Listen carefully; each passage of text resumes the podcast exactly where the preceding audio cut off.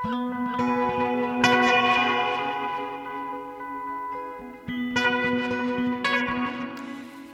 sæl og blessuð við sjá helsar ágætu hlustendur miðugudaginn 30. desember. Síðasti viðsjár þáttur ásins 2020 framöndan. Við ætlum meðal annars að gera upp bóka árið í viðsjá í dag. Spyrja hvað stóð upp úr, hvað einkendi árið kom eitthvað sérlega á óvart er hægt að greina einhverja ströyma eða stefnur gaggrínendurnir Kolbrún Bergþórsdóttir og Gauti Kristmásson. Þau eru að koma sér fyrir hér í hljóðstofu og við heyrum í þeim eftir fáein augna bleik. Halla Harðardóttir hún horfir að gefnu tilefni til himins í þættinum í dag og virðir fyrir sér glitramdi skí dansandi á dimmum desember himni eins og margir hafa gert að undanförnu og Otni Eir Ævarstóttir, réttöfundur, hún ávarpar hlustendur viðsjár undir skamdegis sól, sól sem reyndar er farin að hækka á lofti en skamdegið auðvitað ekki að baki. Meira um þetta hér á eftir en fyrst bóka árið 2020.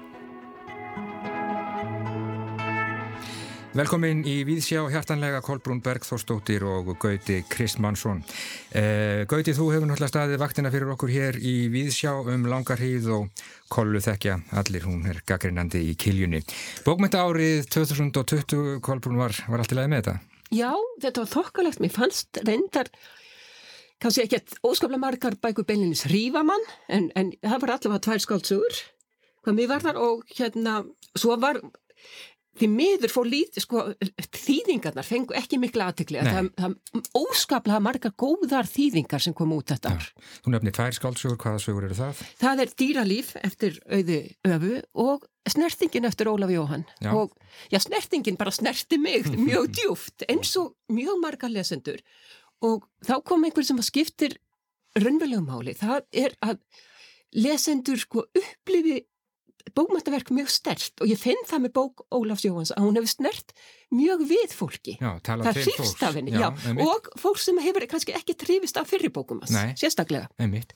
Þetta er bók sem hefur selst vel og fengið, fengið góða dóma og er, er tilnæmt til Íslensku bókmæntavelunana uh, Gauti, hvað segir þú? Já, ég er sammála með þessu með tíðingarna þetta er búið að vera, og ég menna framan á ári var maður að lesa þarna angustúrubækurnar og, og það, það hefur komið heilmikið af, af flottum þýðingum núna. Já. og allt frá Balzac og þarna hann Martinsson Sænski og, og, og svo, svo var þarna Peter Handke, tvær bækur eftir hann. Kom út og Emily Dickinson. Já, Emily Dickinson sem berhauða líf sko sem er náttúrulega bara stórvirkis úr bók. Já, og má ég segja, beð eftir barbarunum eftir Kutsi sem að mér finnst, já, já. Sem að mér finnst bara besta bók ásins svo bók. finnst, já hún er meistarverk. Já, einmitt. Já, þið nefnið þýðingarna Og þetta dýralíf eftir sama höfund? Akkurát, einmitt, já Þið nefnið þýðingarna sérstaklega og það er nú gaman að sjá sko að, að, eða gaman. Þær koma ekki síst út hjá svona minni forlugum, stóru geim, stóra forlæð, uh, það er kannski ekkit endilega í fararbróti lengur í, í, í þessari starfsemi það eru litlu forlægin, það er litlu forlægin Já, já, það er rétt, þetta virðist, þetta virðist vera svona viðskipta mótel lítilla forlæga, það er náttúrulega svona, já, styrkjakerfi það er endar er líka bjartur og, og og Benedikt eru líka með svona áskrifenda Já, uh, format en, en það, það koma út bækur eins og Elena Ferrante og, mm -hmm. sem var nú mjög fín bók sem kom þarna líka líf fullorðina og, og, og fleiri bækur uh, þarna eins og ég las tíkina hérna fyrir Víðsjá eftir þarna Pilar Quintana Já. mjög merkileg bók skrifuð á síma og þarna og, og, og svo framvís og framvís þannig að það hefur verið mjög áberandi eða sem sé ekki áberandi en, en fyrir þá sem fylgjast með það hefur verið nógu að móða Heldur betur og William Butler Yates uh, fáum hann líka og svo uh, bók eftir eða já, úrval ljóða eftir uh, argentínsku skáldkonuna Alejandro Pizarnik sem að Herman Stefánsson þýðir já, og er mjög hérna, ánægilegt að fá. En hvað með svona, já, íslenska höfundagauti, hvað Já, ég er ekki búin að lesa Ólaf Jóhann. Ég, þarna, það, það er ég, tvær bækur sem hún nefnir. Ég, á, eftir að komast í þær mm -hmm. ég, er í, já, ég er í röðinni sem sé með, með dýra lífið hennar auð, auð, auð, hún er í lestri heima en, en ég fæ hann um leið og það er búið. Já. en það, það, ég var ánaði með það og, og þarna og ég saði þarna Dickinson og svo Svo var ég mjög ánæðið með Kalman eh, og þarna eh, þekki hann náttúrulega vel og, og það, mér finnst hún stílfræðilega bara hún er svona sein unnin en, en, en þessi stílfræðilegi stílfræðilega flétta, það er ekki beinleins flétta heldur svona keðja sem hann byggður upp í bókinni. Já, mikil komposisjón svo í sletti. Já, já þetta er svona mikil svona, já, svona, svona tónverk, já, svona, tónverk. Og, og þarna það er náttúrulega er, er tónlist í því og það eru fleiri bækur sko sem uh, ég hafði gaman að bróður eftir, eftir uh, Haldur Armand Þú fjallar um hann hérna já, og, og, og Dauði skóar var líka aðtiklisverð bók. Þetta er hvort ekki tilnæmda bækur eða ekki? Eða Nei, já, allavega er, sko, ekki bróðir. já, ég tek undir það, mér báðar mjög áhugaverðar. Já, já, nákvæmlega. Voru þið sátt við þessar tilnæmningar sem að sem að komu nú fyrir, fyrir skömmu uh, það var dýralíf er það ekki og um, apríl sólarkuldi eftir hennar Elisabethu Jökulsdóttur Dauði skóar, snertinga eftir, eftir Ólaf Jóhann og svo innræti eftir Arndísi Þórarinsdóttur. Já, ég held að hérna, það komið dátt óvart með Arndísi. Mm -hmm en hérna ég ger enga sérstaklega aðtöða samt í það mér finnst listin svona frekar góður sko mm -hmm. þótt að hafi og það er náttúrulega engin tíðindi þegar ég minnst á Girði Eliasson sem sendi frá sér alveg stór fína ljóðabók sko, ég hef vel, vel vilja sjá hann þarna. Já. en hann er búin að fá öll sko, verðlun sem hægt er að fá og hefur margótt verið tilnæmdur þannig að það er ákveðin neyð finnst mér síðust ár til svona aðeins víkjónum til hliðar. Já, kælan aðeins. Kælan aðeins, já. Já, en talandum ljóð, sko, það er ljóðabóka útgáfan, hún er svo rosalega maður kemst bara ekki yfir þetta. Nei. Já, það er mjög ánægilegt. Ég, menna, mjög svo.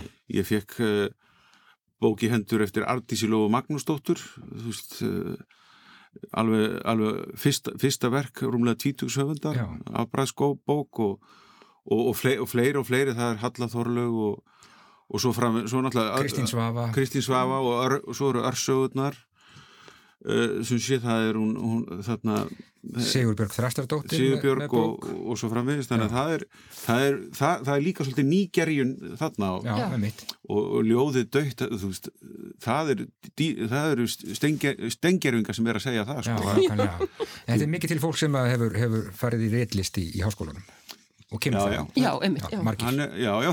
það sýnir sig að það sko það er oftur deilt um það is the poet made or, or, or, or born?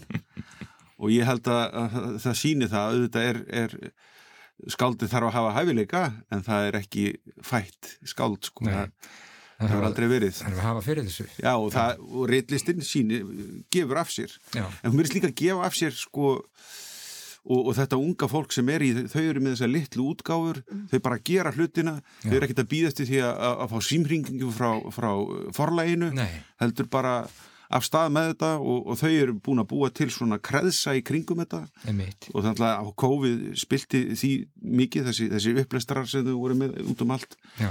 en þau verðast ekki láta þetta síga og ég er bara mjög bjarsinn Já, mér finnst aldrei hérna Mér finnst alltaf sláandi hérna hvað svona stort forlag eins og forlagið mm -hmm. verðist pínulti vera stafnað. Mm -hmm. Það fylgjast ekki með, það á að taka sko nýja höfunda og nýja ströym að fylgjast með þeim mm -hmm. og gefa, okkar, gefa út klassíkina sem litli forlagin er að gefa út. Já, og mér finnst þetta mjög vantrón, ég held að þarna þurfum menn aðeins að fara sko að, að hérna lítið eigin barm að hugsa byttu að hverju erum við ekki að sinna því sem já, við eigum að sinna. Já, einhver talaði um sovandi risa, ég já, skal nú ekki kvitt undir það endilega en Þetta var nefnt allavega? Já. Já, ég held sko, já, það, það er 20 í þessu, það er alltaf, þetta byggir svo litið á þessu eh, magra styrkakerfi sem, sem við höfum um þýðingar til að mynda og þar, þar þarna, þú veist að það þyrti að vera svolítið meira mm -hmm. og mhm. líka fyrir, líka fyrir svona nýsköpun, nýsköpunar höfunda. Þurfum við ekki bara að endur við ekki að bóka átgáfu menningarsjóðs?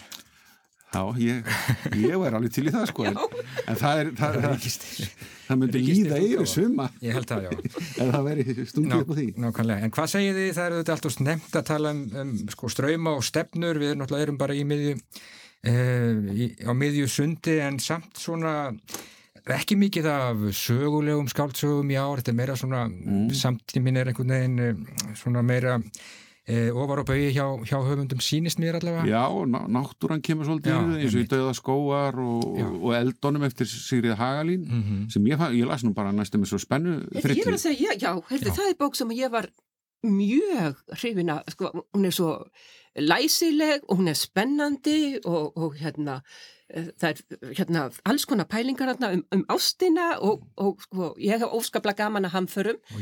En mér fannst mikið galla á þeirri bók undir lokin þegar, þegar reyfara þátturinn já. þegar hún breytist aldrei eins og sko senu úr, úr amerískri hérna, stórslýsamynd Já, já, þetta er spurning hvernig, hvernig á enda svona sko. Já. Hvernig það venda svona.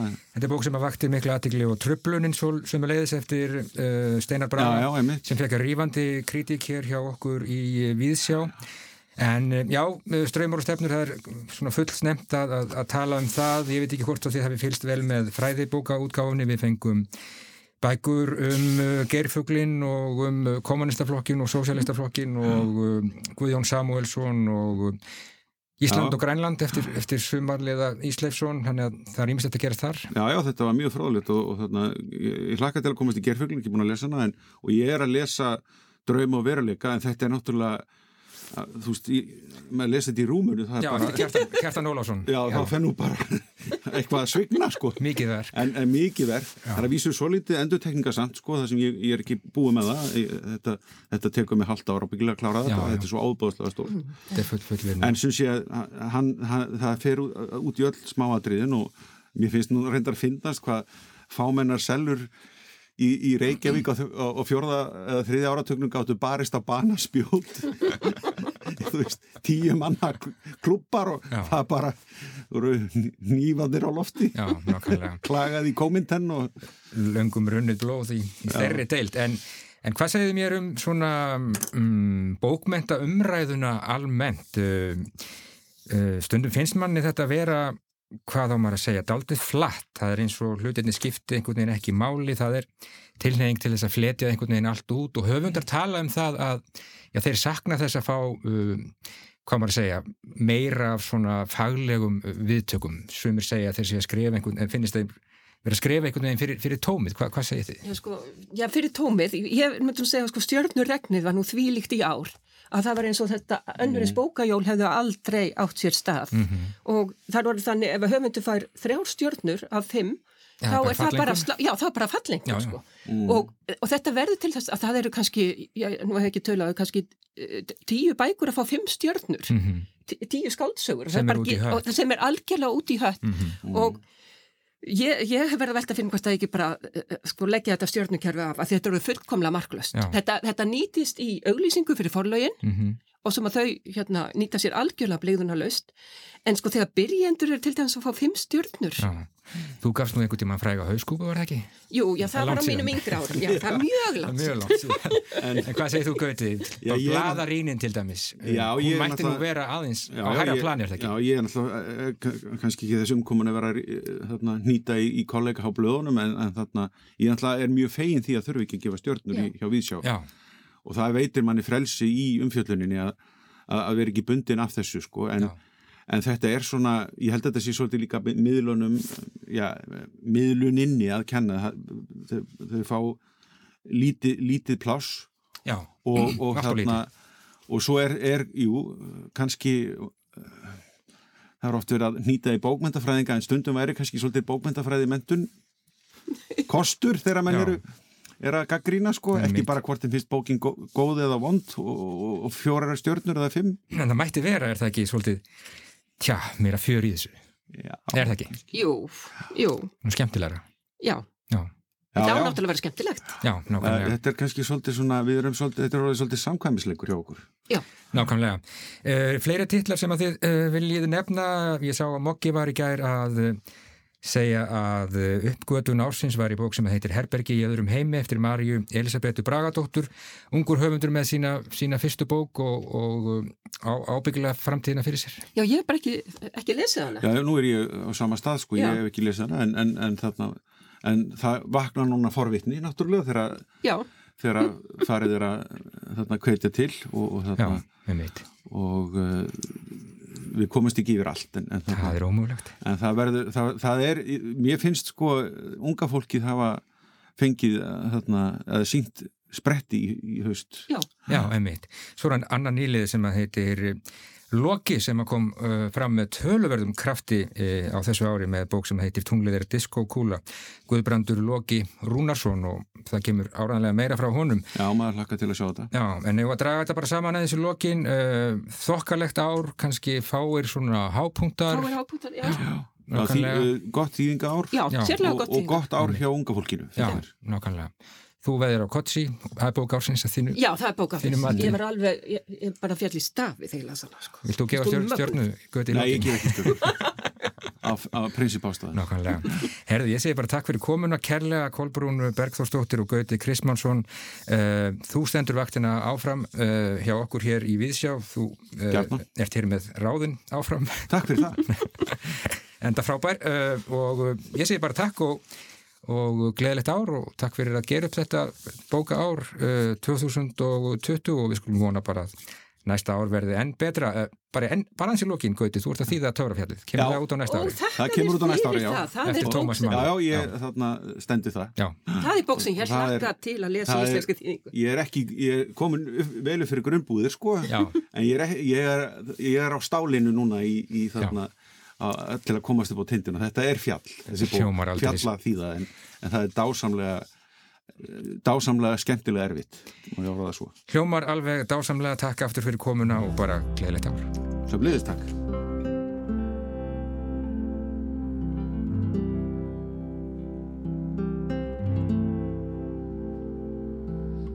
Today and tomorrow and yesterday too The flowers are dying like all things do.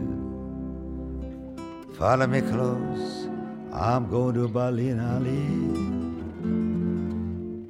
I'll lose my mind if you don't come with me.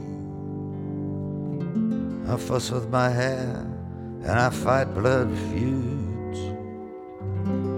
I contain multitudes. Got a telltale heart like Mr. Poe. Got skeletons in the walls of people you know. I'll drink to the truth and the things we said. I'll drink to the man that shares your bed. I paint landscapes and I paint nudes. I contain multitudes red Cadillac and a black mustache. Rings on my fingers that sparkle and flash. Tell me what's next. What shall we do? Half my soul, baby, belongs to you. Oh, well, I cannot frolic with all the young dudes. I contain a multitudes. I'm just like Aunt Frank, like Indiana Jones, and them British bad boys, the Rolling Stones. I go right to the edge, I go right to the end. I go right where all things lost are made good again. Sing the songs of experience like William Blake. I have no apologies to make. Everything's flowing all at the same time. I live on a boulevard of crime. I drive fast cars and I eat fast food. I contain multitudes. Pink pedal pushers, red blue jeans, all the pretty maids and all the old queens, all the old queens from all my past lives. I carry four pistols and two large knives. I'm a man of contradictions. I'm a man of many moods. I contain multitudes. You greedy old wolf, I'll show you my heart, but not all of it, only the hateful parts. I'll sell you down the river, I put a price on your head. What more can I tell you? I sleep with life and death in the same bed. Get lost, madam. Get up off my knee. Keep your mouth away from me. I'll keep the path open, the path in my mind. I see to it that there's no love left behind. I play Beethoven sonatas, Chopin's preludes. I contain multitudes. Já, ljómandi fallegt Bob Dylan, markfaldur í róðinu I Contain Multitudes.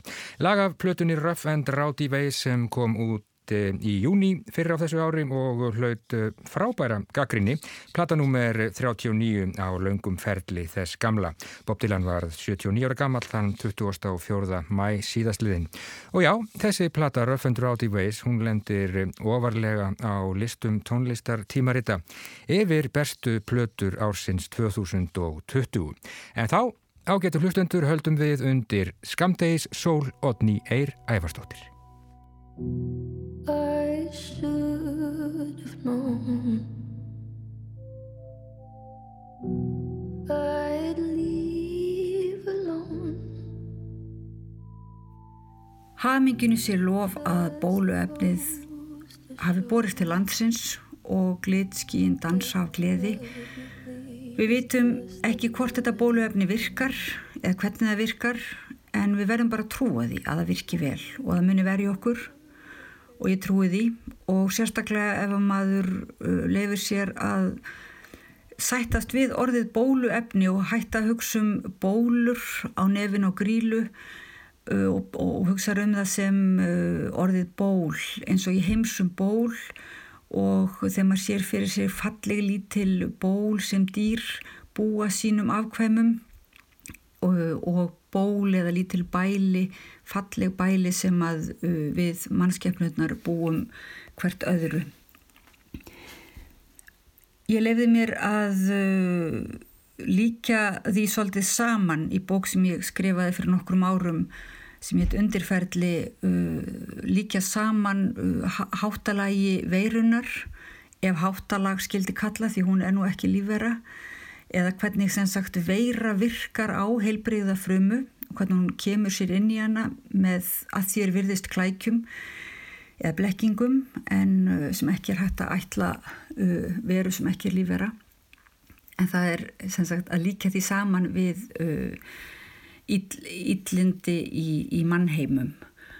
Og þetta eru svona svo litið viðsjárverðar samlíkingar og pælingar en enga síður svona soldið áhugaverðar núna, nú á tímum þegar við á þessu ári höfum einhvern veginn uh, orðið vittni að svo mikillir spillingu og raunverulega ílsku það er eins og hafi, þessi veira hafi afhjúpað svo margt uh, og núna síðast uh, á daginn fyrir jólinn þegar að uh, eigingirni og sérhagsmuna hugsun varð uh, heldarhugsuninni yfirsterkari og afsökun og uh, raunverulega auðmygt mjög fjari, fjari lægi ásakanir okkar og reyði uh, komu beint í kjölfarið en síðan uh, eila snúum við frá yllindum því að við viljum, við finnum bara allir samkjöndarga hvort þessum einstaklingi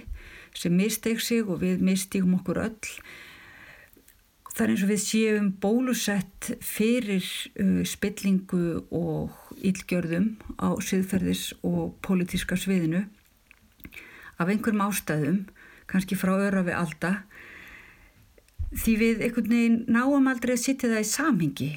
Að, að, að þessi einstaklingur, ekki sem einstaklingur og fjölskyldufæðir, heldur sem uh, ofinber persóna að hún hafi gerst seg um annað og verra uh, í, í hérna uh, aðdraganda efnahagsrunnsins og, og æg síðan. Ég vonaði svo innilega að með þessu bóluefni að þá einhvern veginn lærum við að sjá betur samband orsakar og afleðingar og, og að með náttúru hamförunum hræðilegu á seyðisfyrði og um allan heim núna að þá skiljum við samhengið, þá skiljum við samhengið þar sem við gerum og, og, og, og, nátt, svörunar náttúrunar. Ég vildi svo óska þess og bóluefnið eitt dýr ekki til, við þurfum líka bókmentir og við þurfum stjórnmál. Og þegar maður hugsa um bókmentir uh, á okkar tímum á Íslandi þá finnst mér verði að halda áfram í þessum töð gýr og segja að bókmentirnar eru mjög magnaðar eða sem sagt hvað koma út margar bækur á Íslandi. En ég er bara hægt að trúa á þetta jólabókaflóð. Það er það, það er umverulega orðið uh, mjög leiðinlegt ekki bara fyrir höfunda heldur eða flesta höfunda heldur, heldur líka held ég fyrir lesendur. Þetta er einhver svona holskepla og tilfinningin fyrir því að eitthvað sé að sökva botnin, tilfinningin fyrir því að þú, þú vitir umverulega hafið enga yfir sín hún verði mjög sterk og svo er, er það dómatnir og stjörnurnar og tilnefningarnar til verðlununa, þetta er umverulega allt til þess að hindra svona eðlilega bara samræðu um bókmyndir og, og að hverju veit kannski styrki sína eigin mæli hvarða á það, hvað, hvað eru góða bókmyndir og, og hvernig bókmyndir hún og hann vilji vil lesa. Við verðum háð þessu ytra matskerfi sem hefur aldrei verið jafn lélegt eins og núna og miklum brauðfótum og fákeppnin er orðin doldið mikil í bókmyndaheiminum sem betur fer uh, varð ekki af samruna Storytel og forlagsins því fákeppnin er bara ávísun og spillingu fyrst býður um, býður risin öllum til leiks en síðan smám saman þá verður skjálasafnið uh, bara skjálasafnið mun innihalda það sem að einhver algoritmi segir að það eiga uh, hérna innihalda og það verður einhæfara og einhæfara. Mér finnst mjög leiðinlegar umræður um bækur sem, sem fjalla sem líka bókum við konfekt og bara hugsunin um að tengja bækur við jólin núna og við þessa hátíð leti og konfekt áts, sjónvarps, gláps mér finnst þetta bara vera mjög leðalegt og ég ætla aldrei framar að gefa út bók fyrir jólin. Vorin eru miklu betri tími til útgáfu uh, að ég komin á þessar þessan, þennan töð í þennan töðgýr þá tengir nú bóluefnið mig líka við minn forna bólu hjálmar það var uh, bassaleikarin Jakob saði það á, á netinu að bókmentir hans væru allt bólusetningar svona fimmura brandari sem er samt svolítið góður því að hann raunverulega notaði þetta hann var svolítið með þetta prinsip að, að beita ílsku á ílsku í smásköndum. Það er að segja órettletið sem hann bjó við uh, var það mikið að hann gætt engungu sendt pínulillar pillur af ílsku í, í formi ljóða sína tilbaka og hver veitnum að það hafi eitthvað unnið á ílskunni. Í bókinni minni undirferðli þá var ég að spökulur í því hvort að það væri mjög kristið þessi hugsun um að uh, gjalda illt með illu og hvernig þessi kristilegi kærleikur hvort að hann væri þá svona and, andstæður bólusetningum. Uh, ég komst nú að því að svo væri ekki því að kærleikurinn væri raunverulega mikil gjörð sem fæli í sér að spekla ílskuna þannig að það væri raunverulega verið að senda ílskuna allir baka. Og og hérna og að brýsingar með en freyju það hef ekki bara verið prjál heldur mjög máttugt vopn þar sem að e, flöturinn á meninu hefði verið e, flatur eins og hefur komið fram í einhverjum fordlefa rannsóknum og ég leiði mér svona að bara leika mér að því af algjöru ábyrðar, eða algjöru ábyrðarleysi og sjá fyrir mér þetta hefði verið speill þetta vopn, þetta, hefði, þetta brísingamenn hefði verið vopn sem að speiklaði ílskuna og bóluefnið okkar mun þess vegna vonar, vonandi speikla uh, ílskuna í burtu á nýju ári. Og mér langar að lesa bara uh, nokkur erindi þrjú erindi úr uh, þjóðfundasöng Bólihjálmars 1851 Aldinn móðir eðalborna Ísland konan heiðarleg. Ég í príði fang þitt forna fallast læt og kissi þig. Skrýpist læti skapanorna skulu ei frá þér villa mig. Þér á brjósti barn þitt liggur, blóð fjadriðnar sóið fær. Ég vil svarinn són þinn diggur, samur veri dag og gær, en hver þér amar alls ótryggur, eitraður vissninir í tær. Ef sinir móður svíkja þjáða, sverð vikinga mikra er, for eðslunar bölvan bráða, bylti þeim sem mýjar þér, híminin krefjumst hellaráða og hræðumst eithótt kosti fjör. Móðir vor með fald og feldi, fann hvítum á kroppi sér, nýin að æfi, kalda kveldi, karlæg nær og holdlaus er, grípi hver sitt gjald í eldi sem gengur frá að bjarga þér. Gleðirt ár. I let it burn You're no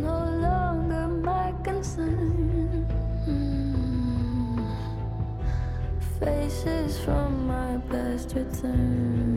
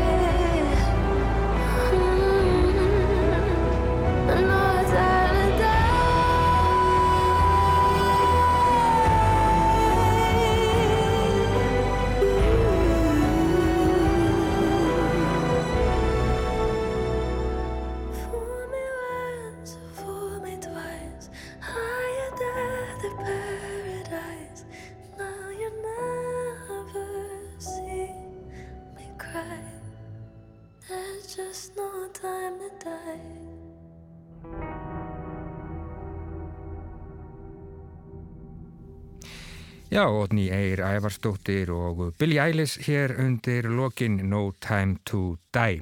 Við ætlum að horfa til himins hér undir lok viðsjár í dag. Otni myndist á Glitski í pisli sínum hér rétt á áðan og já, Glitski þau koma nánar við sögu hjá okkur rétt á eftir en fyrst útistendur einn við luktartir.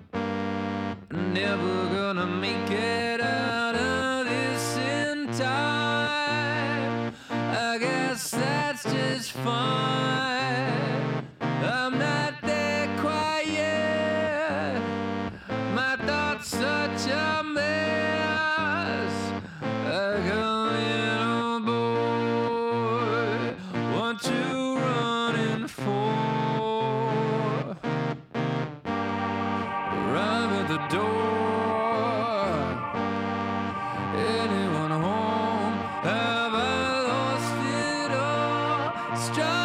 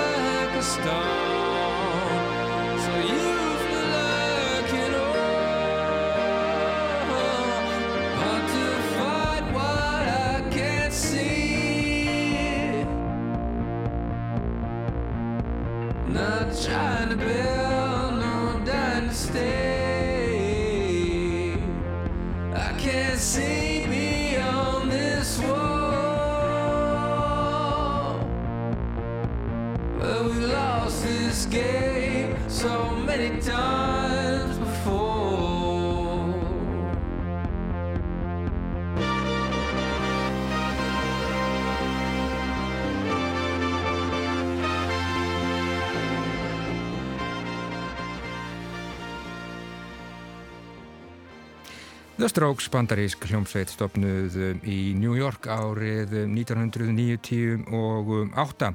Lag sem að kom út fyrr á þessu ári At the Door. En þá, ágættur hlustendur, skulum við um, horfa til himins og það að gefnu tilefni Halla Harðardóttir.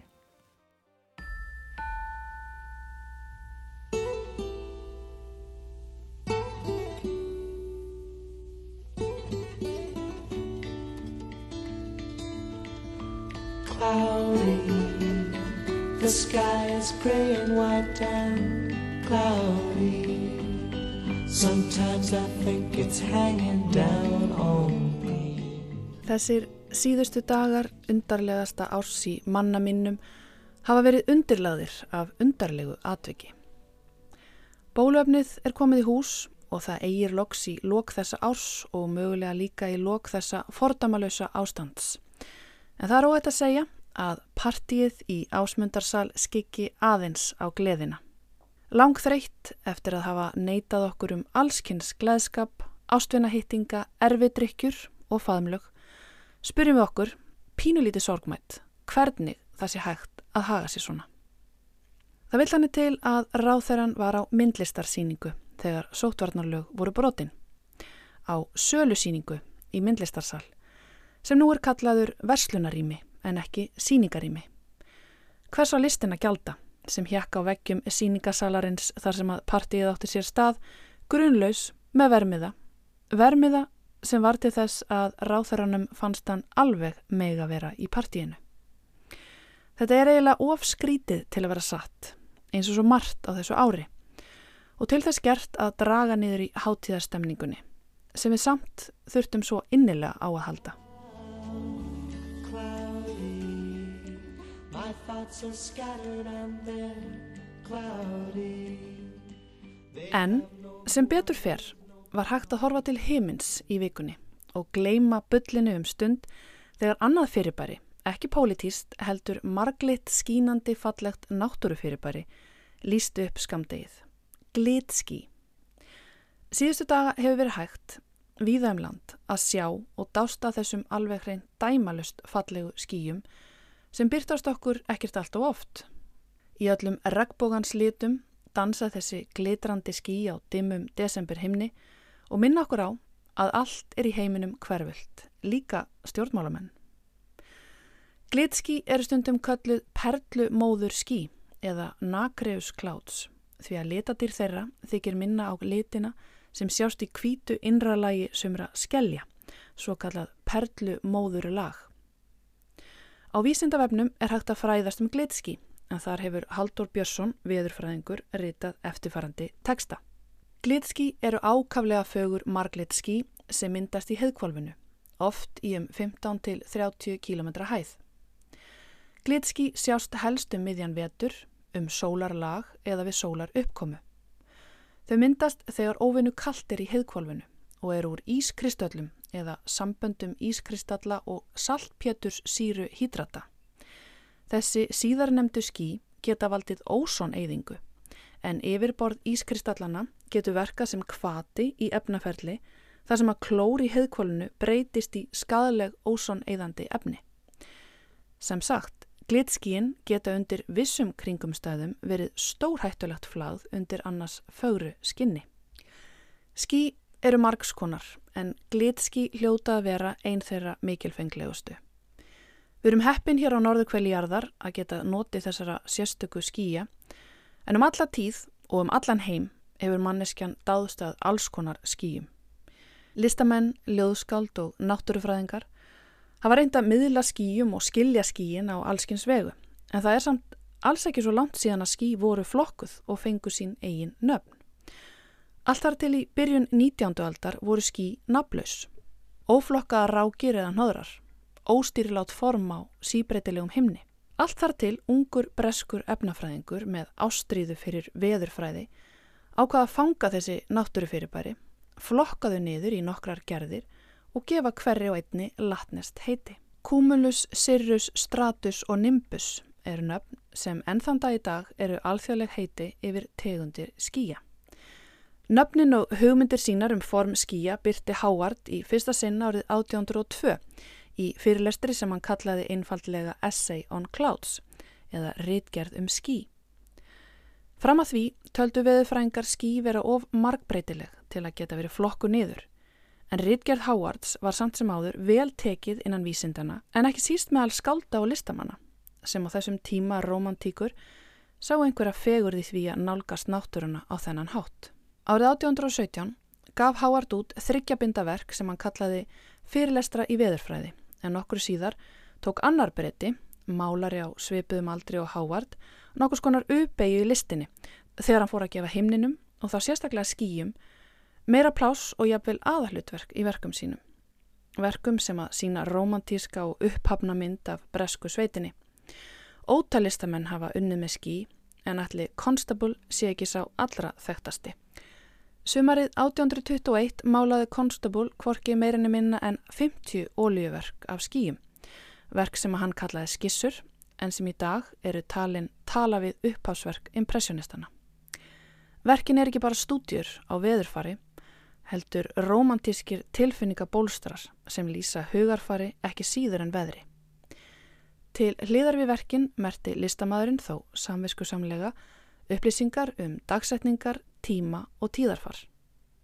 Allt saman á mjög vísendalegum nótum, nokkuð sem hefur orðið til þess að tengja Constable við veðurfræðingin Howard. Það er þá ekki vita með vissu hvort að bækur Howards hafi haft bein áhrif á Constable, en vitað er að annar romantískur málari, Kaspar David Friedrich, var ekki par hrifin af flokkun Howards og saðist hann reyndar óttast að byrta og frjálst skíaflæði í málverkum yrðu vísundunum að bráð með slíkri flokkun og jafnvel landslagsmálverkinu að falli. Landi hans og annar romantískur risi, Göti, var Frídrík þó ekki samála. Göti, sem þarna var á 60s aldri og þekktur um alla álfuna, heitlaðist af skrifum Hávard sem veðurfar og orðsifjafræði. Hann hjælt ekki vatni yfir veðurfrængnum og vildi fá að vita meira um þennan unga mann.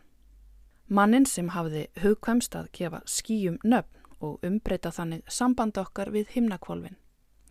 Hann sendi honum bref og spurði hver saga hans eiginlega væri. Hávard var vist nokkuð upp með sér að fá bref frá slíkum menningarrisa og svaraði um hæl og saði göti frá æfisinni í stuttumáli. Hann lísti sér sem manni sem væri nú bara ósköp venjulegur og heimakær sem undi sér best meðal fjölskyldu og farra vina. Hóvær æfisaga Háards gerði göti enn spenntar en ella fyrir þessum unga veðurfræðingi og hófsta nú handa við að semja sinn eigin óð til Háards í ljóðaformi. auk þess sem hann samti ljóðabálkum veður fyrirbærin Cumulus, Sirius, Stratus og Nimbus. Skíin hafa auðvitað alltaf heitlað og halda áfram að heitla. Sumir listamenn hafa jafnvel dreyið skíin ofan af himnum og inn til okkar, líkt og í tilfelli hollenska listamannsins Bernard Smildi, sem nota reik og gufu til að móta skíaskúltúra sem vara í nokkra sekundur áður en þeir fjara út. Verk sem að lifa á ljósmyndum og sem að kallast einmitt Nimbus eftir skíakerfi Howards. Howard gaf okkur Sirius, Cumulus og Nimbus en hann var ekki svo heppin að fá að upplefa glitski og það var ekki fyrir en seint á síðustöld sem að þau fyrirbæri voru farið í orð.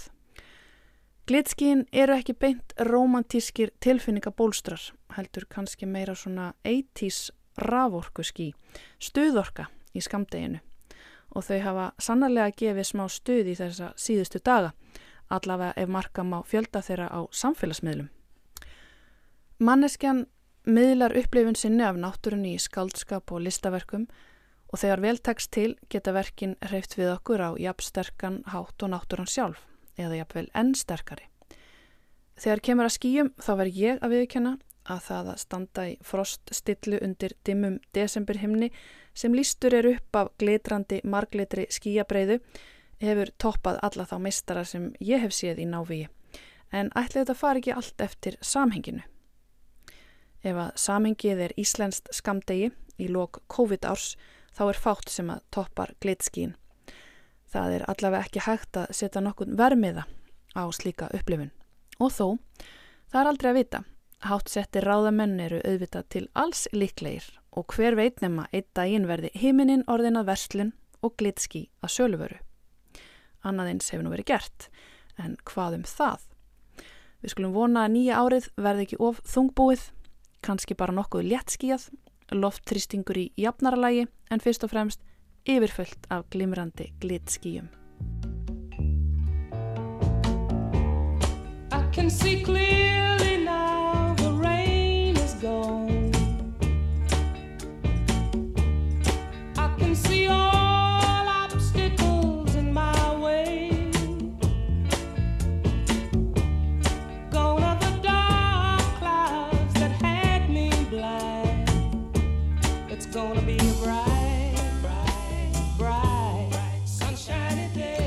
Já, Halla Harðardóttir, hún horfið til himins í lok þessa undarlegasta árs í manna minnum. Hún sá eins og svo margir glitrandi skí dansandi á dimmum desember himni. Perlu móður skí sem verða vonandi aldrei til sölu og um, þetta endaði á bjart sínum nótum hjá höllu. Og svona ætlum við að ljúka viðsjá í dag við ljúkum árinu með því að horfa til himins og virða fyrir okkur fegurð hans. Þetta var um, síðasti viðsjár þáttur ársins 2020. Gengið á ymsu á þessu ári eins og allir vita undarlegasta ár í manna minnum. Ég minni hér í lokin á þátt sem verður á dagskraf hér á ráseitt á morgun gamlársdag. Þátt sem nefnist fram og aftur blindgötuna árið sem aldrei varð. Þá ætlum við Þórhildur Ólafstóttir að taka á móti góðum gestum í hljóðstofu hér upp í efstaleiti þau koma til okkar Ólafur Jóhann Ólafsson, réttöfundur Halla Otni Magnúsdóttir viðburða og skipulagstjóri Sinfoníu hljómsveitar Íslands og auðvitað fjölmiðlakona Þorður Snær Júliusson, rittstjóri Kjarnans og skaldið Ditta. Við ætlum að fara yfir árið og horfa til framtíðar. Þetta er klukkan 13 klukkan 1 á morgun gamlástag, missið ekki af því. En við segjum þetta gott í dag. Teknimaður í þessari útsendingu var Martin Martinsson. Takk fyrir samfélgina í dag og á þessu ári á getu hlustendur. Herumst glöð á nýju ári 2021. Verið sæl og gleðilegt ár.